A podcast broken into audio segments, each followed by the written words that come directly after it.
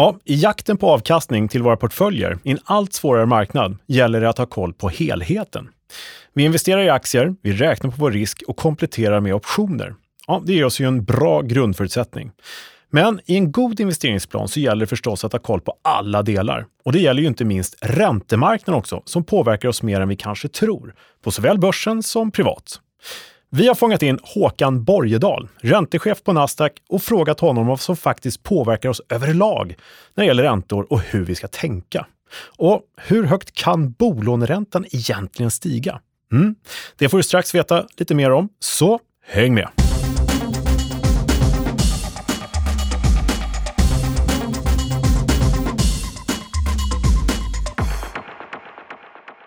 Ja, men välkommen tillbaka till Optionspodden.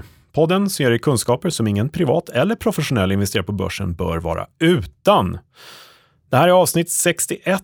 Vi ska prata om räntor idag som kommer beröra även optioner i slutändan och investeringar. Jag säger välkommen till Thomas Bernholm. Tack så mycket. Från Nasdaq. Mm. Fast du är inte på Nasdaq just nu. Nu är vi i studion, ja. Precis. Ja, men vi var på Nasdaq nyss. Alldeles nyss. Ja. Mm. Det är ofta så det brukar vara. Vi åker från Nasdaq hit varje gång vi spelar in. Precis. Gör vi. Eh, Hur mår du? Ja, men eh, bra tack, Ja. eh, tycker jag.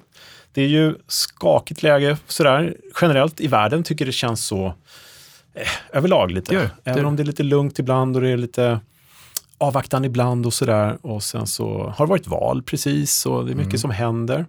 Och det är besked om ja, triggers i marknaden. Mm. Just här idag har det kommit lite sådana här besked från USA, så börsen vänder rakt ner. Eh, och sådär. Det har rört sig ganska mycket.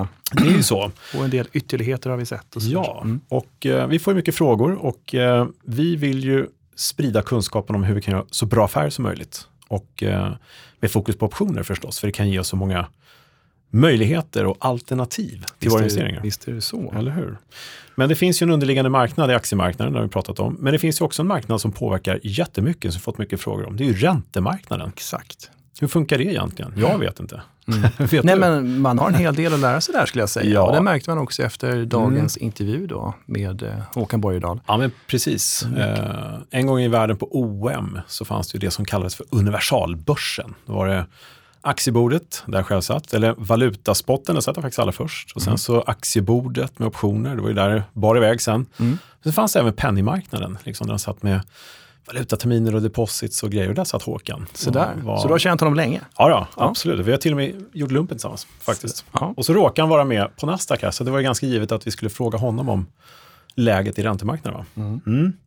Så efterfrågat ämne och det är viktigt att ha koll på som investerare för att det här påverkar faktiskt börsen och i slutändan våra positioner. Mm. Och sen så kan vi då kanske hitta ytterligare triggers till hur det ska gå. Och det intressanta är att det påverkar både direkt och indirekt. Precis, visst gör det det. Mm. Och på så många olika områden. Eh, I våra investeringar på börsen och även privatekonomiskt förstås. Precis. Sådär. Så det är ju inflation och är räntor och vad är en inverterad räntekurva? Mm. Mycket som alltså, nämns nu Mm. i dessa dagar. Så det ska vi kolla på och fråga Håkan om strax, alldeles strax. Mm. Måste bara säga att har du börjat följa Optionspodden på Instagram? Ja, Ja, det gör jag. Mm. Vad bra. Därför att det är där Jag vågar inte annat, eller? Nej, exakt. Eh, Så in och följ oss där, ska försöka få in lite ytterligare ett eh, medie där vi kan komma med lite bra tips och lite sådana grejer. just det. Eh, Och man kan också, det har kommit några sådana här förfrågan vad vi ska lägga in där. Så det kan man också skicka in till. På optionspodden.se kan man skicka in sin lilla ja, meddelande, fråga eller Mm. begäran vad man vill se mer av och sådär. Gör det. Gör så. Och har du någonting annat att säga om hösten annars? Har vi lite spännande gäster Mm. som kommer? Vi ska inte avslöja någon namn Nej. kanske, men visst finns det en del som är... Eh, vi har en lång kö Mm, med folk var- som vill vara med. Sådär ja. eh, är det ju. Och eh, nej, men det, det händer mycket på vår front kan vi säga. Det är mycket utbildningar, det är mycket fokus på optionskontraktet och vad det kan göra. Mm. Eh, det finns eh, väldigt stort intresse av att hitta alternativ till sina investeringar. Superkul. Ja, och kanske lite naturligt eftersom det är ju lite osäkert på börsen och priser stiger överallt. Det är drivmedel och matpriser som vi har pratat om och det är boräntor, som kommer att höra ännu mer om idag. Och kanske det, ja det Håkan säger här, vi ska säga att vi har redan pratat med honom. Eh, det här är ju liksom, vi gjorde det nyss. Och det, det är den lilla cliffhangern, vad han tror att boräntan kommer hamna på, liksom, han som vet. Precis. Ja, men det, det är lite det ställer lite högre krav på vårt sparande och investeringar, ja. att det går bra. Och då är optioner bra. Exakt. Ja, men det, det är mm. bra verkligen att, att ta lite höjd för sådana saker mm. och förstå lite mer kring hur eh, det fungerar. Ja, men så, så är det. Så, ja, mm. Absolut. Men ehm, ska vi börja med att titta lite på marknaden kanske? Det tycker jag vi gör. Vi ja. ser hur vi mår helt enkelt ja. på börsen. Ja. det är bra. Ja, bra. Ja, Kalle, hur är då läget på börsen? Ja, börsen skulle jag säga, i, alltså i talande stund, inte i skrivande stund som man brukar ja, skriva, utan ja. i talande stund mm. så är det lite surt på börsen. Eh, och så här har det varit lite grann, nu har det kommit besked från eh, eh, ja, men ECB var det väl då. Och det har ju varit liksom mycket snack om räntes, ja, räntesnack helt enkelt, som mm. vi ska prata mer om strax. Mm. Eh, så jag ska säga att det har varit avvaktande på börsen. Vi hade ju en ganska fin nedgång, om man får kalla den för fin. Ordentligt trendande neråt. Mm. Det har studsat upp lite grann och sen ligger vi där och hovrar lite.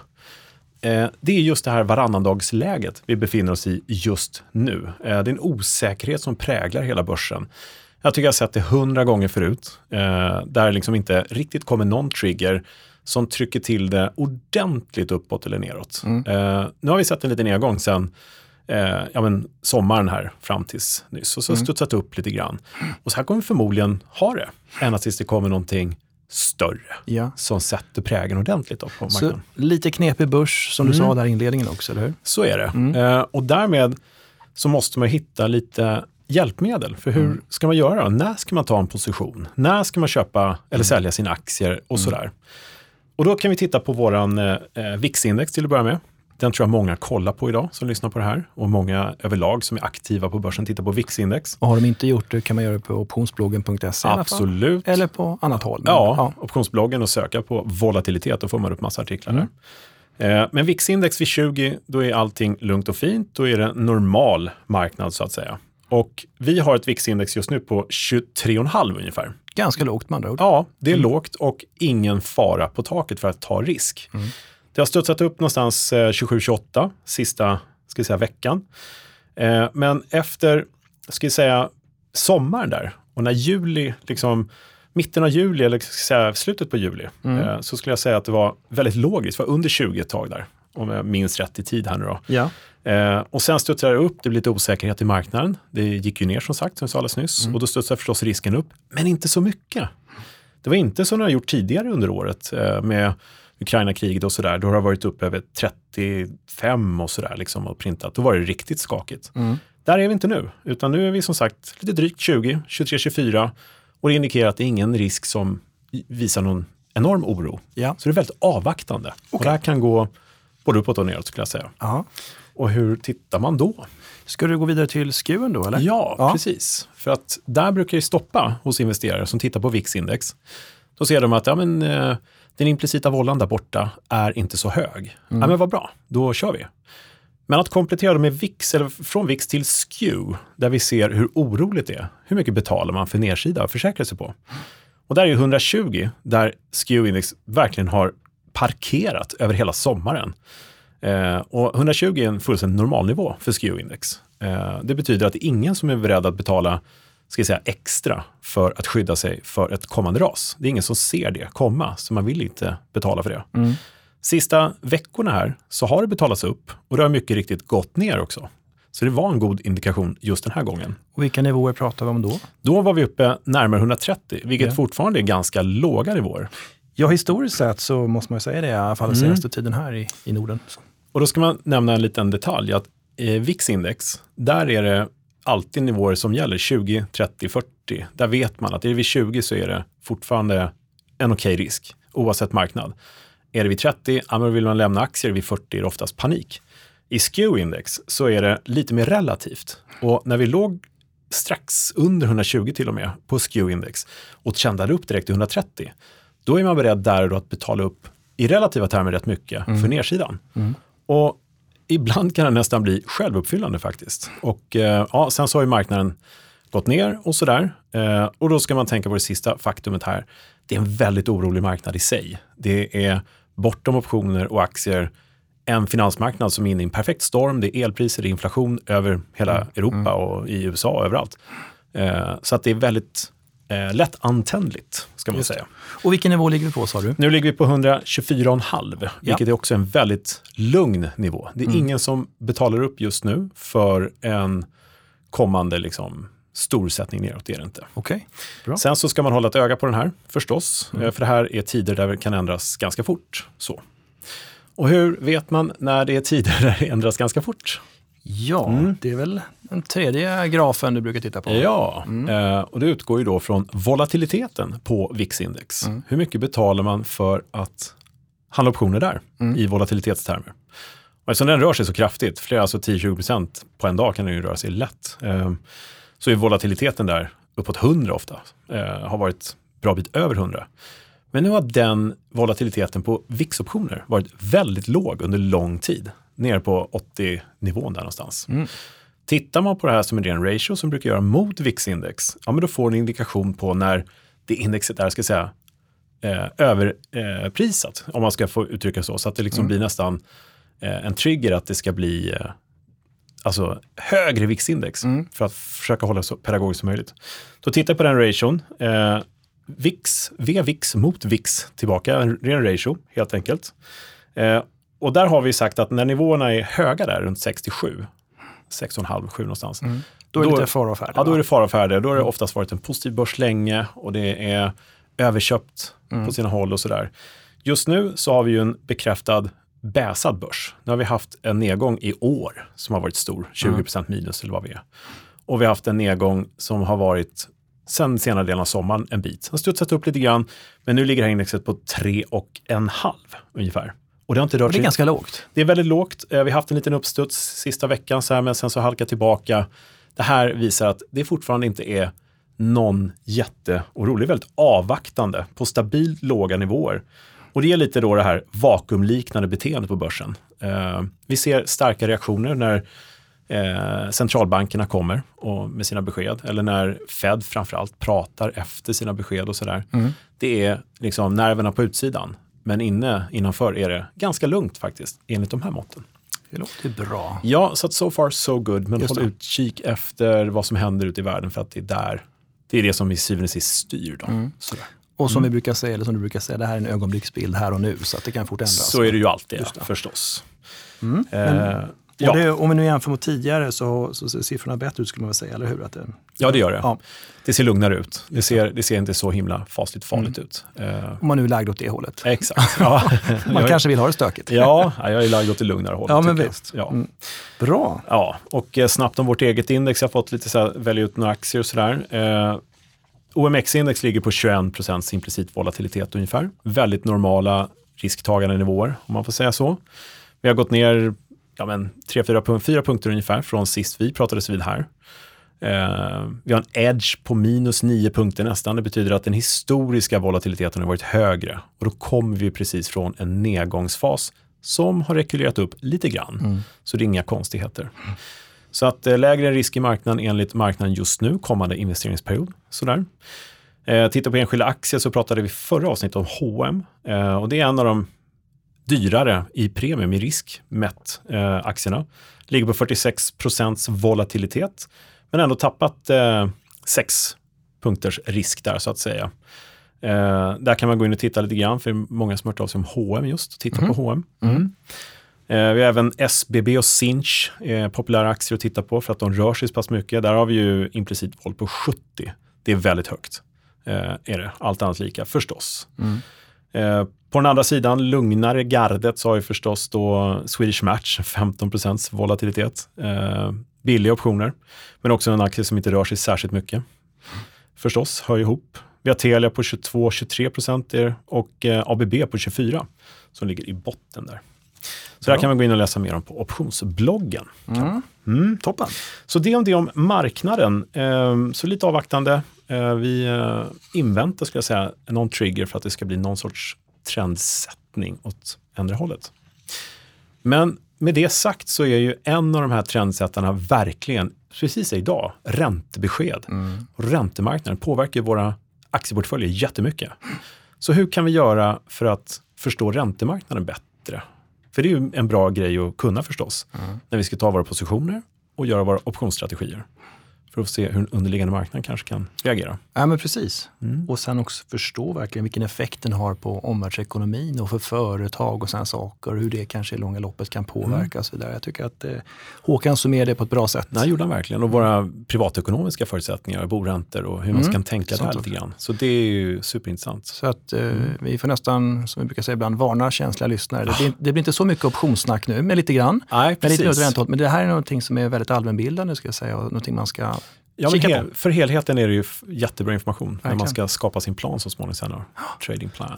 Men ska vi... Vi rullar bandet med Håkan då? Det gör vi. Bra. Då gör vi det. Okay. Ja, då säger vi varmt, varmt välkommen till Håkan Borgedal, Head of Nordic Fixed Income här på Nasdaq. Tack, tack så mycket. Tack så mycket. Välkommen, kul att se dig här. Ja, tack, tack. Vi ser, dig i för sig, här. vi ser dig varje dag här i och ja. för sig. Vi befinner oss på Nasdaq i Frihamnen. Eh, och bortanför studion just för närvarande. Eh, för att få möjlighet att snacka med dig om ja, men lite räntemarknaden. Du är vårt, eh, liksom, vår guru i det här. Eh, får lite insikt i hur saker och ting påverkar oss som är, även tittar på börsen. Allting hänger ihop i den här marknaden, eller hur? Men kan du inte berätta lite om dig själv först bara? Din bakgrund och lite vad du gör här på Nasdaq. Yes, absolut. Nej, men jag började på Nasdaq i februari i år, så jag är ganska ny här. Men det är precis som du säger, jag ansvarar för det som inom eh, Nasdaq kallas för Nordic Fixed Income. Och det innebär att vi eh, driftar viss typ av elektronisk handelsplats för ränteinstrument. Och sen så har vi ett antal olika produkter kopplat till räntemarknaden. Eh, som vi så att säga går in och agerar clearinghus eh, eh för. Mm. Och det, det, är det som vår huvudsakliga uppgift här på Nasdaq. Ja, spännande. Mm. Hur länge har du hållit på med det här? Eh, det har som sagt var på Nasdaq inte så länge, men jag har varit Nej. i räntemarknaden under väldigt lång tid. Jag, eh, ja, med det här innan? jag skulle säga 20 år ungefär. Mm. Eh, sista 15 åren på, på Swedbank eh, och där jag handlat i princip alla de instrument som finns på den svenska räntemarknaden. Mm. Och de sista fem åren så var jag ansvarig för det som kallas för fixed income trading. Yes. Um, jag kan bara nämna lite kort vad det är för någonting. Mm. Och det är mm. egentligen så att de flesta svenska banker, eller alla, alla svenska banker har en, en fixed income-avdelning. Och där eh, ansvarar man för prissättning av hela den svenska räntemarknaden skulle jag säga. Allt då ifrån de svenska statsobligationerna som emitteras av Riksgälden som så att säga ja, konungariket Sveriges upplåning helt enkelt. Då. Ja. Eh, och sen så kan man också säga att de svenska bolåneinstituten går via den kanalen. Okay. Så alla, alla lån kopplat till bo, eh, boinstitutets upplåning eh, sköts eh, prismässigt ifrån den eh, den enheten också. Då. Okej, okay, Och sen så kan man lägga på olika typer av derivat som ränteswappar och ränteoptioner. Så att oftast är det sammankopplat till en enhet som, mm. som sköter det. Då. Och det är derivat du har eh, sysslat med en hel del, eller hur? Mestadels derivat, absolut. Mm. Och vilka är typiska aktörer är som man handlar med? Eh, det finns ett antal olika kundsegment. Mm. Eh, den typiska stora eh, delen är eh, de eh, institutionella aktörerna. Det kan vara försäkringsbolag, det kan vara andra typer av fondbolag som oftast har en ganska stor exponering mot räntemarknaden. Eh, och sen har vi då lite mindre corporates och andra typer av eh, aktörer som till viss del också har en exponering mot räntemarknaden. Det kan vara fastighetsbolag eller, eller private equity-bolag och den typen av aktörer. Och all den här handeln ligger alltså till, till grund kan man säga för just bolånenivåerna, räntenivåerna lite grann? Ja, jag tror inte man riktigt kan göra det så enkelt egentligen. Utan oftast är det så att alla olika typer av instrument hänger på ett eller annat sätt ihop. Då. Basen brukar oftast utgöras av den svenska eh, statsskulden, det vill säga de svenska statsobligationerna. Sen lägger man på en spread beroende på vilken typ av kreditklass det är. Eh, så att, eh, som jag sa, basen är statsobligationer och sen så lägger man på till exempel en bankrisk, då, ränteswapkurvan. Och sen lägger man på ytterligare en kreditklass och då brukar man säga att det är, är bostadsobligationer. Mm. Så att alla de här hänger ihop så att säga, men de, de rör sig också individuellt mot varandra. Coolt. Ja, det är en hel del begrepp. Det är en hel del mm. alltså, saker och ting i räntemarknaden som många som håller på med bara med aktier kanske inte känner till så väl förstås. Eh, det är väldigt mycket så. Hur skulle man kunna, alltså om man ska säga så här, eh, räntemarknaden, påverkar räntemarknaden börsen starkt skulle du säga? Ja, eh, jag skulle nog säga att det finns definitivt en stark koppling där. Mm. Och, och eh, det, är ju, det är ju så att naturligtvis att prissätta en aktie så finns det en komponent hur man ska diskontera ett nuvärde på den där aktien. Eh, och det utgörs av räntan helt enkelt. Då. Och eh, allt annat lika så är det så att diskonterar med en hög ränta så får du ett lägre nuvärde och en lägre ränta ett högre nuvärde. Då. Mm. Så det är klart att eh, räntekänsliga aktier på ett eller annat sätt är väldigt exponerade mot det generella ränteläget i ekonomin. Så är det bara. Liksom. Banker och sådär? Ja, banker finns det absolut en sån aspekt i. Men jag kan tänka mig också typiska de som har en stor andel i sin balansräkning, skuldsida som är kopplad mm. till så att säga, extern finansiering. Då. Mm. Och det är ju typ fastighetsbolag eller andra liksom, verksamheter som har en ganska hög leverage i sig. Mm. Ja, men vilka indikatorer kan man läsa av i räntemarknaden som påverkar börsen? Man brukar ibland prata om tioåringen i USA och sådär. Eh, finns det några fler sådana som man kan liksom, titta på som aktiehandlare och få något tecken på? Ja, nej, men du nämnde tioåringen i USA. Den är definitivt viktig. Det är en av de största så att säga, punkterna som, som eh, man kan betrakta var den generella räntan ska ligga. Mm. Eh, sen är det ju så att vi, ut, vi, så att säga, vi exponerar sig för en räntekurva. Den korta delen av kurvan det är upp till två år och sen så den längre delen av kurvan är upp till tio år. Eller ända upp till, upp till 30 mm. år till och med. Eh, och jag kan tycka att man ska titta definitivt som du säger på tioåringen. Men man kan också titta på tvååringen. Man kan definitivt titta på lutningen mellan tvåor och tior. Det vill säga vad tror marknaden på kort sikt kommer hända och vad tror marknaden på lång sikt kommer hända. Precis. Och det här klassiska som, som oftast kom, tas fram är att när tvåor och tior är inverterade, det vill säga att tioårsräntan är lägre än tvåårsräntan, mm. så implicerar det någon typ av kommande recession. Det är det vi ser nu ja, faktiskt. Det är, precis, det finns, mm. en sån, eh, finns en sån tycke hos marknadens aktörer att vi så att säga, kommer att komma i ett sånt läge. Så är det. Ja, så det ser inte så bra ut Men sen tycker jag generellt sett att man kan också följa de här klassiska indikator indikatorerna såsom hur ser inköpschefsindex mm. ut? Eh, hur hur liksom är det generella läget i ekonomin? Mm. Eh, vad är, vad är liksom, vart är inflationen på väg och vad är det för komponenter som, som finns i inflationen som driver inflationen idag? Mm. Och vi har lite sådana funderingar vi kan diskutera senare här sen. Men eh, vi vet ju allt annat lika att den svenska centralbanken har ett inflationsmål på 2% och det är det de kommer att säga, drivas mot när de kommer besluta om de ska höja eller sänka räntan. Uh, och det i sin tur så att säga, får en återspegling på hela marknadens prissättning av den framtida räntekurvan. Mm.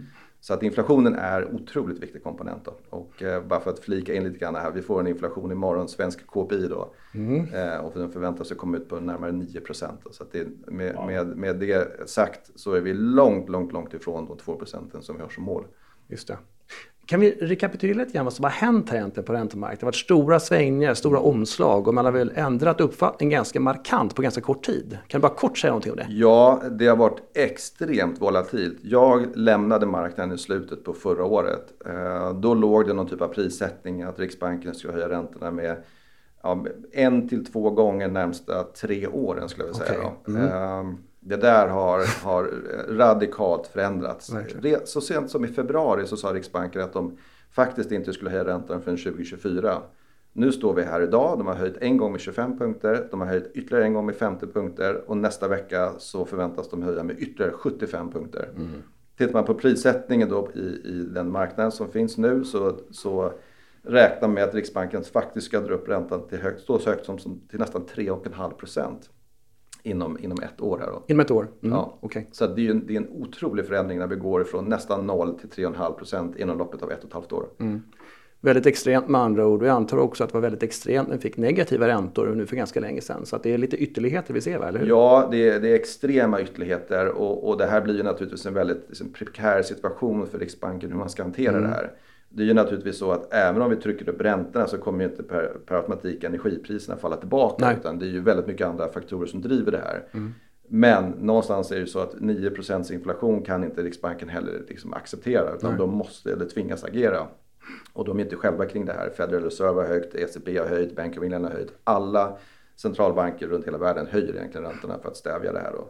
Och man måste nästan ta rygg på sådana stora aktörer också, eller hur? Eller? Ja, precis. Man kan inte divergera för mycket. Utan alla så säga, försöker ju på något sätt harmonisera lite grann. Sen kan det finnas avarter. Vissa som säga, inte går lika mycket eller vissa som går mer aggressivt fram. Då. Just det. Men Riksbanken har en tendens att följa eh, ECB ganska, ganska väl. Ja. Och eh, ECB höjde förra veckan 0,75 så att vi, vi tror att de kommer höja 0,75 också. Det finns till och med de som tror att de kommer höja upp till 1% här nästa vecka. Mm. Eh, jag tror nog att det är lite aggressivt och jag tror att de kommer göra 0,75. Ja. Om vi stannar lite grann där vid inflationen. Hur pass skadligt är det med en eh, alldeles för hög inflation?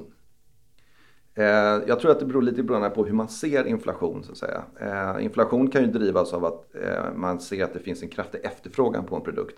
Som i sin tur kan vara ett resultat av liksom löneökningar och att det är väldigt, väldigt stark ekonomi som gör att många har råd att köpa en produkt och därigenom går priset upp så att säga. Mm. I, I det här fallet så är, kan jag säga att det är inte riktigt så det är utan det är ett antal externa faktorer här, som har påverkat det här. Vi känner till det här med energikris och så vidare. Just. Som i sin tur då spiller över på vissa typer av produktionskostnader. Och då får man någonting som jag brukar kalla för second round effects, det vill säga det spiller över på allt från, från eh, livsmedel till, till, till, andra typer av produkter så säga, som är indirekt eller direkt kopplade till energipriset till exempel i det här fallet. Då. Mm. Så det är, det är ju skadligt på något sätt för det är ju så att om, om, om den här ökade prisfaktorn vi möter inte motsvaras av att vi upplever att vi får en kompensation i termer av bättre betalt i lönekuvertet så blir det ju en urholkad köpkraft Just helt enkelt. Vi kommer inte orka konsumera lika mycket. Eh, och där finns ju naturligtvis en rädsla då att om kommer det här bli någon typ av spiral, det vill säga att företagen kommer bli tvungna att höja lönerna för att justera för det här. Mm. Eh, och sen så har man, är man rädd för den här inflationsspiralen så att säga då, att det ska mm. liksom, eh, fortsätta gå. Mm. Och det är klart stigande priser så på, på eh, el och annat och bränsle och saker. Det påverkar våra företag också så, så, att det kanske blir en del vinstvarningar och sånt eh, med den, den Ja aspekten. precis och jag tror att om man, om man försöker fundera ut så säger de flesta banker och så vidare att de tar oftast en höjd på 5, 6, 7 procent när de räknar sig en bolånekalkyl och att de flesta naturligtvis klarar av en sån räntenivå. Och det ligger nog ganska mycket i det så att säga. Men det sker, kommer ju inte ske helt obemärkt förbi. När du, när du träffas av en räntenivå som går från 1 till 4, kanske till och med 5 procent så klarar du möjligtvis av att betala ränta. Men du kommer bli tvungen att dra ner på en massa andra typer av konsumtion. Mm. Och det kommer få en stark effekt liksom, på typiska såna här vitvaror eller andra, andra typer av, av, av eh, eh, daglig konsumtion eller sällan typer av konsumtion också. Men den här aggressiva ränteökningen som Riksbanken egentligen tvingas till ju. Inflationen stegrar ju. Den är ju liksom enorm. Det talas ju också om att det går så pass fort Eh, och att det kan ske så mycket svängningar här i inflation och omvärldsfaktorer och sånt där. Kan det vara så att det till och med kommer sänkningar nästa år för att det har höjts för mycket nu? Ja, tittar man på hur räntekurvan ser ut idag så toppar ju den på, som jag sa tidigare, runt, strax under 3,40 ungefär i, i mitten på mm. nästa år. Och sen så där, därefter får vi en lätt flackande kurva, det vill säga marknaden börjar prisa in att det kommer sänkningar. Kan det bli kraftiga sänkningar? Kan det hända någonting som gör att det blir... Det, det, det, det, tror jag kanske inte att det blir kraftiga sänkningar utan då blir det mer modest att man så att säga, tar ner det mer i ett typiska 25 punkters intervall. Mm. Men eh, det finns ju naturligtvis en teknisk natur i det här när man får en ganska kraftigt ökande inflation och den på sikt tenderar att så här plana ut. Och vissa av de här eh, lite mer tillfälliga faktorer som energipris och vidare, om de skulle backa tillbaka och vi får liksom ett, att det är så här, att mycket av det här som tillfället reverseras, då kommer ju inflationen helt plötsligt bli negativ. Mm. Och då hamnar vi i ett scenario där Riksbanken helt plötsligt inte möter ett inflationsscenario utan ett deflationsscenario. Även om så att säga, vi befinner oss på en absolut mycket högre nivå än vi var ja, tidigare. Men, men det här blir ju en väldigt, väldigt jobbig utmaning för centralbanken. Då kommer de i alla fall inte höja mer kan man tänka sig. Nej, nej precis. Det tror nej. jag inte att de gör. Liksom. Jag tror att det, det var ju mycket en diskussion som, som var under förra året egentligen då. Där många trodde att inflationen var man kallar för transitory, att den skulle vara övergående och att den var tillfällig. Men det visade sig inte riktigt vara det.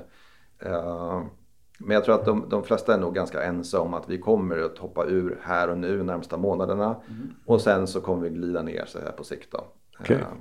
Kan privatpersoner liksom skydda sig mot räntenivåer på något effektivt sätt? Binda räntan eller vad, vad gör man? Ja, om jag ska vara ärlig så hade jag önskat att det fanns större utbud av olika typer av skydd. Men eh, i privatpersoner idag kan egentligen nästan bara välja mellan att antingen ha en rörlig ränta på sitt bolån eller en fast ränta. Mm. Det finns några eh, faktiskt banker som erbjuder någon typ av alternativ mittemellan där. Det vill säga att man har ett, en rörlig ränta på sitt bolån men man har ett tak på hur mycket man ska betala i, i ränta. Mm. Typiskt att man ligger i rörlig ränta och så har man lagt ett tak på 3 eller kanske 4 procent. Så vet man att man kommer aldrig betala mer än 3 procent. Hur mycket det än går. Sen är det naturligtvis det tidsbestämt. Alltså det gäller ju under 5 år eller 7 år och så vidare. Ja just det. Men du som har handlat mycket ränteoptioner och sånt där. Det är egentligen bara för professionella aktörer. Det är ingen privatperson som kan gå in och köpa en kol eller putt till exempel i räntemarknaden. Nej, eh, det skulle jag säga att det inte riktigt kan. Men den, det som jag sa tidigare, den här typen av, av eh, bolån där du har en rörlig ränta med ett, lån, ett tak är ju en typ av option. Du köper ju faktiskt en call eller man brukar kalla det på räntespråk för en cap. Då. Mm. eh, du är kappad i ett bolån på en viss procentsats. Då. Eh, så mm. i viss mån kanske man kan göra det. Men att en som privatperson idag går in och handlar ränteoptioner på, på svensk penningmarknad så att säga, det är i princip ingen som gör. Nej. Kan du bara snabbt eh, för skojs skull berätta hur optioner på räntemarknaden fungerar lite snabbt bara? En mm. call and put, för det är lite annorlunda mot aktieoptioner, eller hur? Ja, det är ju inte alls en, en, eh, samma likviditet eller transparens utan det är mycket, mycket mindre marknad och det är ganska få aktörer som faktiskt handlar ränteoptioner i Sverige idag. Mm. Men den typiska aktören så som, som jag har träffat på det är ju oftast fastighetsbolag. Återigen entiteter som har en stor skuldsida kopplat till eh, en, en räntefinansiering. Då. Eh, och där eh, man är känslig för högre räntor då. Och då finns det precis som på privatsidan två alternativ. Det ena är att man låser in en fast ränta över längre tid eller att man då, som du nämnde tidigare, gör någon typ av derivatlösning. Oftast inkorporerat med någon typ av option då för att skydda sig för högre räntor. Mm. Man blir också ganska låst som privatperson för att om du har bundit en ränta under ett visst antal år mm. och sen faller den ut, så att säga, eller förfaller mm. mm. och så är det nya nivåer som gäller. Så att, eh, och där finns ju ingenting du kan ta ett skydd parallellt då i så fall utan det är kan inte hedga i framtiden så att säga för någonting? Nej, inte alls i samma utsträckning. Och det, är intressant att du nämner det här. För att den, alltså, när man tittar på hur räntebindningsgraden var hos eh, de svenska hushållen så har de varit väldigt hög andel rörliga räntor. Ja, just det. Nästan mm. uppåt 80 procent till och med. Ja. Där har fallit tillbaka och jag tror att det ligger någonstans mellan 50 och 60 procent där. Så folk har tänkt så som du säger egentligen? De har skyddat sig lite? Ja, jag tror att många har skyddat sig lite grann därför att de tyckte någonstans att räntorna vid något läge var så låga att mm. det var värt att, så att säga, gå in och binda det här. Men eh, det finns ju beräkningar, man kan ganska lätt se när mycket av det här faller ur. Då. Och tittar man redan nästa år så, kom, så kommer andelen som kommer upp mot rörlig ränta, inte 80% men inte långt därifrån. Igen, okay. Så det är klart att det kommer bli en, på något sätt ett, en, en, eh, en obehagligt uppvaknande ja, när man helt plötsligt precis. går från en fast ränta kanske på 1,5-2% till att möta en rörlig ränta som kan vara uppåt en 4,5 till och med kanske 5 procent. Alltså det är en enorm skillnad. En följdfråga på det. Du sa att det indikerar att styrräntan ska vara kanske 3,4 procent tror du sa, om ett år eller någonting. Mm. Vad pratar vi om för bolåneräntor ungefär? Ligger det en bit, någon procent över då? Ja, det skulle jag säga. Som tumregel alltså? Bara ja, ungefär. som tumregel. Och där sätter ju bankerna, de har ju en individuell prisnedsättning på bolån beroende på hur din situation ser ut och så vidare. Mm. Men jag tror att minstone 1% upp från de 3,4 ska man nog räkna med. Mm. Eh, men något snitt brukar ligga runt kanske ja, en och en halv och sånt där då, mm. utifrån den rörliga räntan då, Just det. som Riksbanken sätter. Så då landar vi på 3,4 plus runt en och en halv. Då, då är vi nästan upp mot en fem. Precis, ja det kan bli ett stort hopp. Väldigt stort hopp. Verkligen. Nu har vi pratat igen om bolån och så, men om man investerar i fonder, räntefonder, så kanske det finns något man ska tänka på också. Vissa som jag har pratat med genom åren som mäklare och så här, tycker att nu stiger räntan, nu ska jag köpa en räntefond. Mm. Men det är inte kanske så klokt, eller om det är långräntor direkt, eller? Eh, det är klart att det är kopplat till vad man generellt har för tro kring räntor. Det som mm. har varit lite märkligt i, i år, eller, eller säga, slutet på förra året och i år, det är att man har ju någonstans trott att köpa en räntefond är förknippat med en säkerhet. Så du parkerar dina pengar och du kommer inte kunna förlora någonting. Eh, flertalet räntefonder är ju minus både 8, 10, 12 procent här under ganska kort tid. Så att det som man någonstans trodde var säker placering var inte en säker placering. Och samtidigt då så har du fått en börs som har fallit med närmare 20 procent. Så du har fått en en, en dubbelexponering på ett sätt som man kanske inte alls hade tänkt sig. Ehm, men för att svara på din fråga någonstans. Om man tror att vi har tagit höjd väl nog för den räntehöjning som ska komma och kanske också har en liten känsla för att det här kanske är lite för mycket. Vi kanske inte kommer kunna driva upp räntorna till 3,40. Vi kanske landar typ på 2 eller 2,5 procent. Mm. Då kan jag tycka att det finns absolut en poäng att lägga en del i en räntefond idag. Ja. Att du kommer dels kommer komma in på en ganska hög nivå, det vill säga du kommer kunna få en ränta på 3-3,5% mm. när du köper räntefond idag. Och är det så att räntorna faktiskt går ner, det vill säga att marknaden har prisat fel, då kommer du få en kursökning utöver de 3,5 procenten. Så att du kommer få en, en vinst där. Mm. Så det kan jag tycka är absolut ett, ett vettigt alternativ. Då. Ja, bra. ja, en hel del att eh, liksom ta in och lära sig även av räntemarknaden förstås. Eh, de flesta av oss som liksom har ett sparande eller investerar på börsen och sådär. Vi vill ju få liksom, alla möjliga instrument till oss förstås för att få så bra avkastning som möjligt. Och just nu är det ju oro.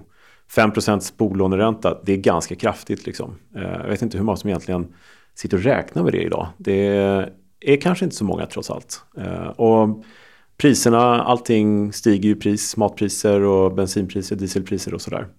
Men om man ska säga att eh, optionshandel, om vi kommer tillbaka till själva kärnan i det hela mm. i vår värld. Och nu pratar aktieoptioner då? Ja, vi pratar aktieoptioner, precis. Ja, ehm, det som vi kan använda oss av. Hur, eh, jag vet du kan ju en hel del om det också, men eh, vad skulle du säga är eh, till att börja med, tycker du det är svårt att lära sig optionshandel i aktiemarknaden? Det är inte det du primärt jobbar med, men jag vet att du har hållit på med det lite grann. Tycker du det är svårt att lära sig? Eh, ja, helt lätt är det ju inte. Jag tror att man kan se det utifrån lite olika typer av perspektiv. Eh, den typiska eh, tittar nog oftast utifrån en sån här klassisk pay-off-graf. Man har ett expiry-perspektiv, det vill säga vad tror man att aktiekursen kommer vara vid en viss tidpunkt. Och så försöker man jobba någon typ av optionsstrukturer så att säga, för att boxa in den eller försöka matcha det man funderar på. Mm. Eh, och det tror jag i och för sig inte är så svårt att förstå. Det tror jag man ganska lätt kan lista ut. Jag betalar en viss typ av premie och jag får ett visst typ av skydd eller jag skaffar en viss typ av exponering. Så det är inte så, fundera, så svårt att förstå. Sen om man går in lite grann på djupet och försöker dekomponera vad består optionspriset av? Är det hög volatilitet? Är det låg volatilitet? Hur påverkar tiden mitt optionspris och så vidare? Ja, då blir det definitivt mer komplicerat. Så jag tror att man kan ju naturligtvis, eh, beroende lite på hur intresserad man är, liksom lägga den här nivån själv skulle jag säga. Mm. Eh, men jag, jag är ju lite nördig här. Jag tycker det är kul att grotta in mig i detaljerna. Sen så är det klart att um, man kanske inte ska gå in för mycket på djupet i det här för det, det är trots allt hyfsat komplext. Liksom. Ja, det är ju individuellt förstås ja. vilken nivå man vill lägga sig på. Det handlar väl om tid lite grann också, hur mycket tid man har att lägga på det hela. Men skulle du säga att det är förknippat med hög risk derivat? Som de som säger att eh, ja, men man sett stora förluster för decennier sedan, liksom, stora banker och sådär. Mm. Men tycker du att det är, är hög risk i optionshandel generellt? Eh, jag skulle nog säga att lite, jag är lite tudelad till den frågan. Mm. Eh, beroende på naturligtvis vilken typ av strategi du väljer. Mm. Men generellt så skulle jag inte säga nej det tycker jag inte. Mm. Eh, jag tror att det som jag använder optioner till är att jag skapar olika typer av strukturer som passar min exponering väldigt, väldigt väl. Eh, och då är ju optionen inte någonting som tillför risk utan snarare tar bort risker från min exponering. Eh, och sen så försöker jag också hitta strukturer som gör att jag har en tro eller en fundering på vad jag vill eller vad jag tror ska hända för någonting och jag bygger en, en struktur som är kopplad till den tron. Och är det så att jag har rätt, ja då kommer jag förmodligen tjäna lite pengar på det. Har jag lite rätt, ja då kanske jag inte alls tjänar så mycket, men möjligtvis lite grann då. Jag kan få tillbaka det jag satsat på något sätt. Då. Har jag varken rätt eller fel, det vill säga det händer ingenting, ja då förlorar jag ingenting. Eh, har jag fel så händer inte så mycket heller. Jag kanske skulle, eh, men har jag väldigt fel, det vill säga om jag kanske har finansierat delar av min optionsposition via att ställa en option någonstans till exempel. Då kan det börja kosta lite grann. Och tillbaka till din ursprungsfråga Kalle, här, då, ja då finns det en viss typ av risk. Mm, ja. eh, men många Såklart. försöker ju att bygga typer av strukturer Eh, där man kanske betalar lite granna. Men en del gör också strukturer där man så att säga, vill få det här till att bli en nollkostnadslösning. Det vill säga mm. det kostar ingenting. Ja, och där någonstans börjar det kliva in risk i systemet. Ja, då kommer vi upp lite grann i nivå i kunskap också förstås. Ja. Sådär ju. Så det gäller att man eh, ja, men läser på lite innan förstås. Mm. Men jag har säkert pratat om det i tidigare avsnitt. Men en klassisk sån där kan, som du har nämnt tidigare. Man kanske har en aktie, man ställer en option emot då, en covered mm. call som du säger. Mm. Eh, där har optionselementet ingen som helst risk i sig egentligen. Den är ju helt eh, noll skulle jag säga. Mm.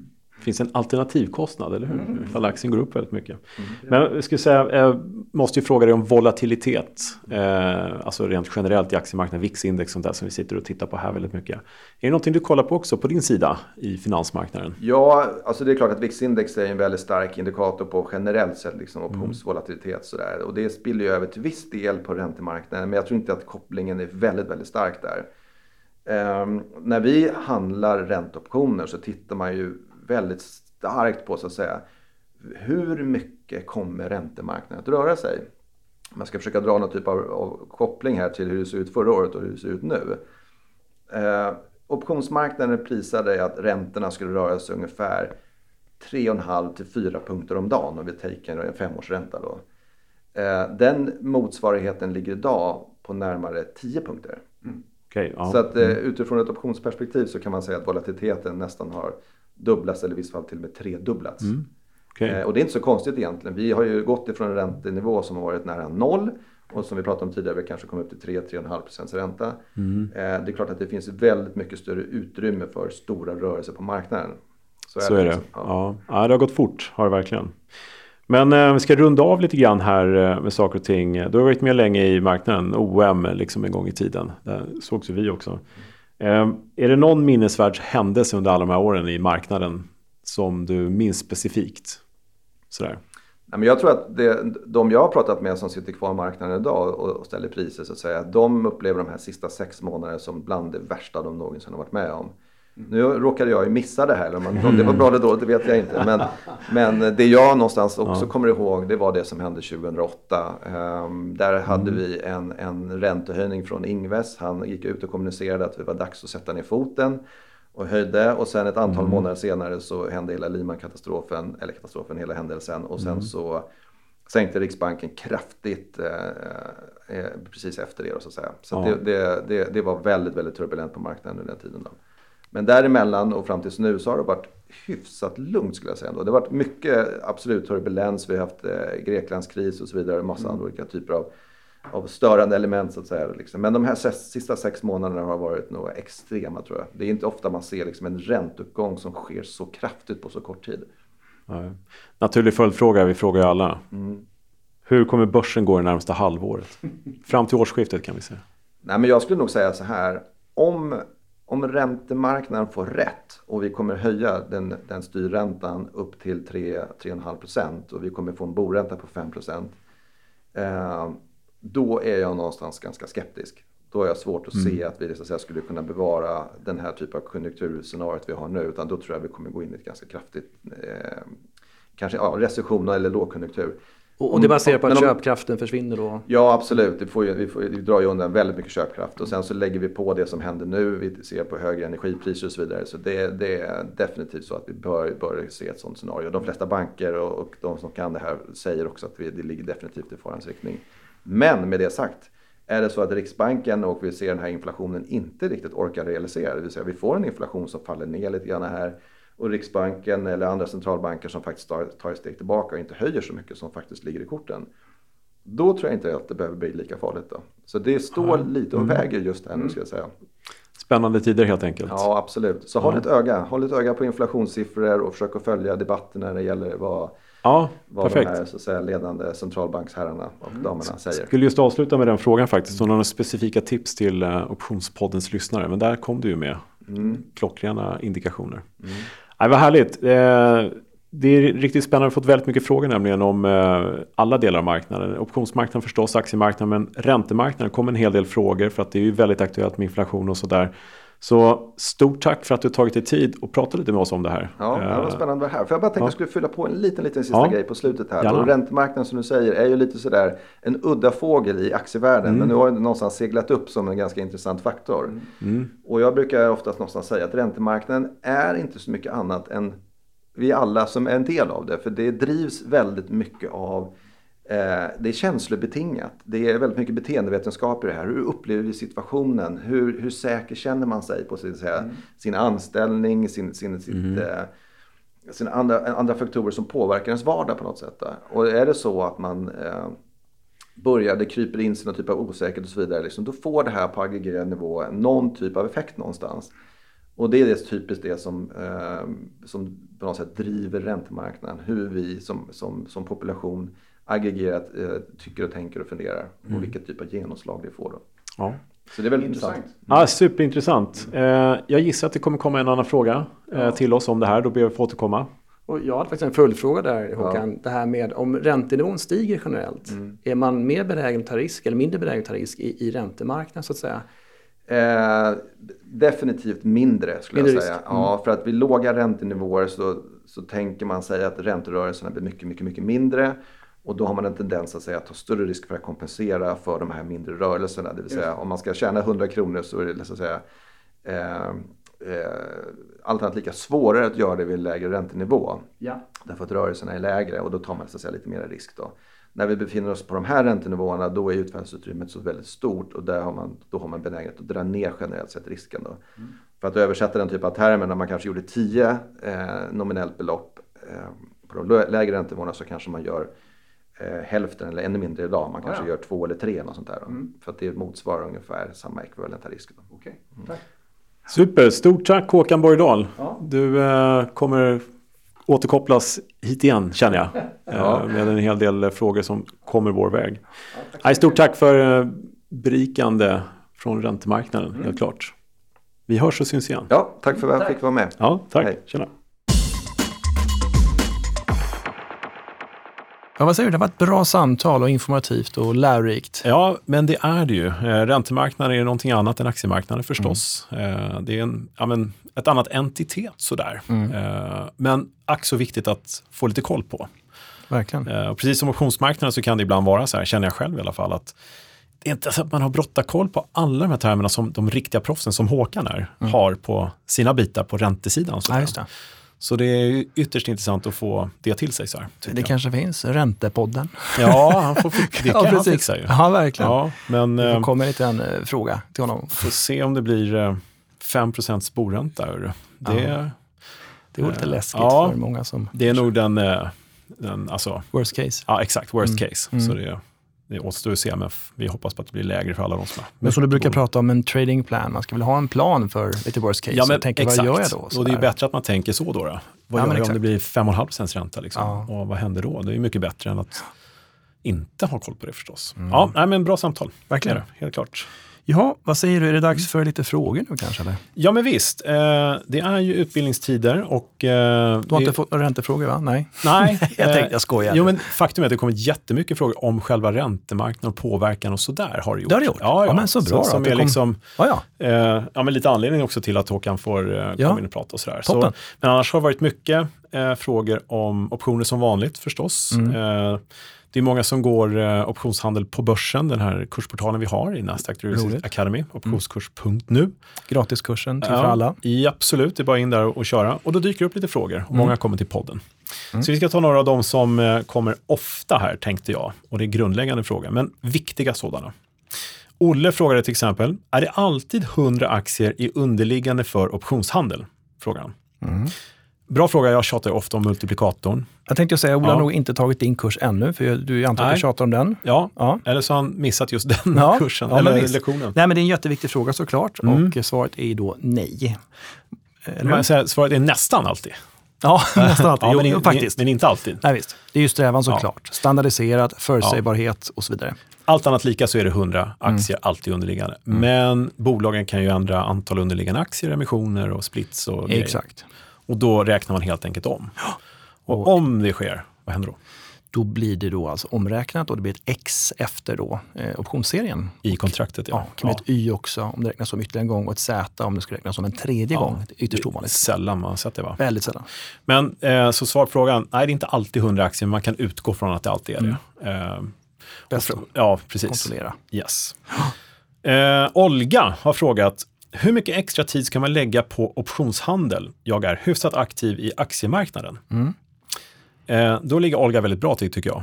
Eh, om man bara har en aktieportfölj som ligger, då får man räkna med att man får bli lite mer aktiv. För optionskontrakt är ju någonting som förfaller. Då måste man agera innan det händer, Mm. Just det. oftast.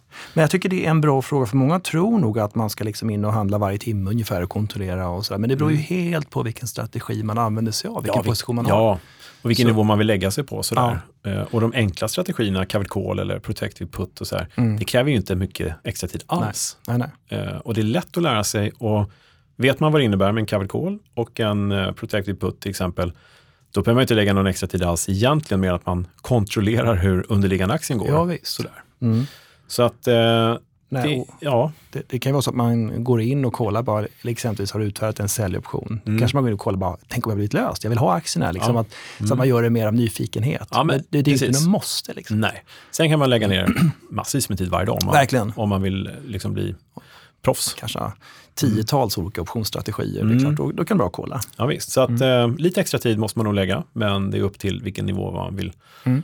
liksom lägga sig själg på. Ska jag säga. Precis. Mycket nytta kan man få med mycket lite tid.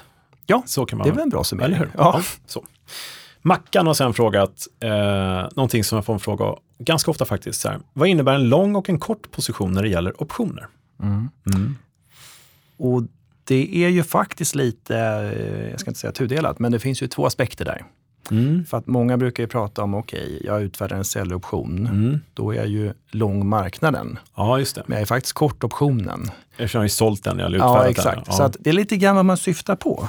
Men, Ja. men man skulle väl säga så att du, du är ju kort optionen om du utfärdat den, Mm. men i säljoptionens fall så är du ju lång marknaden. Ja. Jag skulle nog föredra att säga hur man är positionerad mot marknaden. Precis, det tycker jag också. Det är ja. så jag brukar säga. Och, och, då kanske du vill gå igenom då? Ja, nej, men om man köper en aktie bara, då är man ju mm. lång positionerad mot marknaden. Det betyder att är man lång, då tjänar man på att det går upp. Mm. Blankar man en aktie, man säljer en aktie man inte redan äger och får ett aktielån, mm. då tjänar man på att börsen går ner eller aktien går ner. Och förlorar då går upp? Ja, förlorar går upp. Precis mm. tvärtom helt enkelt. Och då är man kort marknaden. Så tror man att det ska gå upp, då vill man vara lång marknaden. Tror man att det ska gå ner, då vill man vara kort marknaden. Mm. Och det kluriga med optioner är att Eh, här kan vi kombinera våra positioner hur mycket som helst. Och då är frågan, är jag netto lång eller netto mm. kort? Och mm. där börjar det bli klurigt. Mm. Dit behöver vi inte gå riktigt. Men om du köper en köpoption, rätten att köpa, då är du lång. Mm. Om du utfärdar eller säljer en säljoption, den potentiella skyldigheten att även där köpa, mm. då är du också lång. Exakt. Och de andra två då, en kort position, du tjänar på nedgång. Precis. Så in och kolla på de här fyra grundpositionerna i kursen skulle jag mm. säga. Och där får man en glasklar bild på de här fyra bild, alltså den här rutan vi har. Mm. Vad som är lång och kort. Och jag tycker att alla ska tänka de här banorna. För det mm. kan ju vara så att man vill bli lite mindre lång mm. eller lite mindre kort. Eller så, ja, så, att, ja. så att, eh, ja, men det är en bra fråga. Eh, och det här är väldigt bra, och jag ska säga, det är inte nödvändigt för de som handlar enstaka kontrakt eller som eh, liksom bara handlar lite grann. Mm. Men när man börjar handla flera kontrakt Eh, sådär. Och jag har en kolspread. Köper en kol och säljer en annan. Är du neutral då eller? Mm. Nej, man är ju inte riktigt det. För det är olika lösenpriser och sådär. Och då kommer vi på delta. Just det. Om vi är intresserade av det kan man gå tillbaka ett gäng avsnitt och lyssna på det. Optionspodden. Du minns inte vilket va? Nej, Nej. Nej inte jag heller. Men det var, det var ganska tidigt tror jag. Ja, men det var ju Kanske. första 10-12 avsnitten någonstans. Ja, någonstans där. Mm, det är bara att leta rätt på det. Mm. Ja, så att eh, bra att hålla koll på det. Lång och kort position när det gäller optioner. Tjäna på uppgång eller på nedgång. Så det om det. Och tiden springer på här verkligen. Mm. Eh, så jag tänkte vi bara tar ett ordspråk här som vi har fått inskickat. Så där ja. ja. Vad roligt att du får ordspråk inskickade. Ja, Felix som har skickat in det. Jaha, mm. kul. Möjligheten kommer, men den kommer inte ofta. Så ta tag i den när den kommer. Mm. Vem sa det? Gissa en av världens mest kända investerare. Jaha, ja, då skulle jag gissa såklart på Warren Buffett. Det är rätt, ja. det var han som sa det. Men det lät nästan också som det kunde varit ett slags eh, kärlekssammanhang. Någonting dyker upp och tar möjligheten. Så kan det vara. Ja, relationsgrejer. Ja. Men, ja, men det, det, är väl bra, man ska ta möjligheten när den kommer. Möjlighet, option, ja det passar ju bra in här tyckte jag. Ja. Felix här. Bra. Så att, eh, tack för det. Uh, ja, hade du något, vad sa du om kärlek där? Nej, jag bara tänkte att det kunde faktiskt vara den anspelningen också, att ta vara på möjligheten, ta ja, när den kommer. Så just man ska inte låta saker och ting vid sidan om all finans så är det också andra viktiga saker som hägrar Precis. i Thomas liv. Ja, men det är helt bra. det är härligt. Ja, men det, är, det är helt rätt. Man får Vi ska inte glömma bort det där. Nej. finns i allas liv. Ja. Jo. Hörde, hur äh, tråkigt den är så tänkte jag skulle avrunda för dagen. Jag stannar kvar. Ja, vad bra. Har vi sett. Hej då. ja, Nej, men det är ja. hög tid, absolut. Så är det. Några avslutande ord? Ja, jag måste ju sälja lite. Uh, följ Optionspodden på Instagram. Mm. Uh, det är typ 70 som har gjort det nu. Så att, Skoj. Ja, men vi måste göra fler, mm. så öka på. Eh, ja, men vill man lära sig om optionshandel gratis, gå in på eh, optionskurs.nu och anmäl till gratisportalen där. Eh, massvis med saker, kan få diplom och grejer. Eh, Nasdaq Derivatives Academy är vårt eh, initiativ vi har på eh, Nasdaq helt enkelt, där du och jag sitter och jobbar med gänget. Eh, där händer grejer och det kommer hända mer grejer och det är kul. Vi drar den, den också, nasdaq.com snedstreck derivatives eh, bindestreck academy. Yes. Eh, ja, vi har diskussionsgruppen på eh, Facebook som heter Optionshandel på börsen som är knuten till den här kursen. Man kan ställa sina frågor där och man kan diskutera där och ha sig. Optionspodden.se. Eh, Optionsbloggen.se. Ja, det är mycket saker där. Mm. Och Twitter, att se Björkegren om man vill följa mig och fråga mig saker där. Mm. kan vi nämna optionsplay.se Just det, också. glömmer alltid den. Jag fattar inte det. Men det om det, så att där finns det möjligheter. Vi avslutar allt med massa möjligheter om man nu mm. glömmer bort det. Någonting. Och fortsätt att skicka in frågor mm. och eh, kanske Absolut. önskemål generellt. Sådär. Ja, då. Mm. det är bara fortsätta. Vi läser allting men vi hinner tyvärr inte svara på riktigt allt. Vi gör mm. vårt bästa. Och som vi sa, många spännande gäster kommer vara med. Mm. Så är det, ja. verkligen. Eh, håll utkik. Många ja. unika gäster skulle jag säga. Ja. Mm. Vad bra. Bra, men då, men då tackar vi, för idag. Ja, men det gör vi. Ha det gott. Samma. Tack. Fint, hej.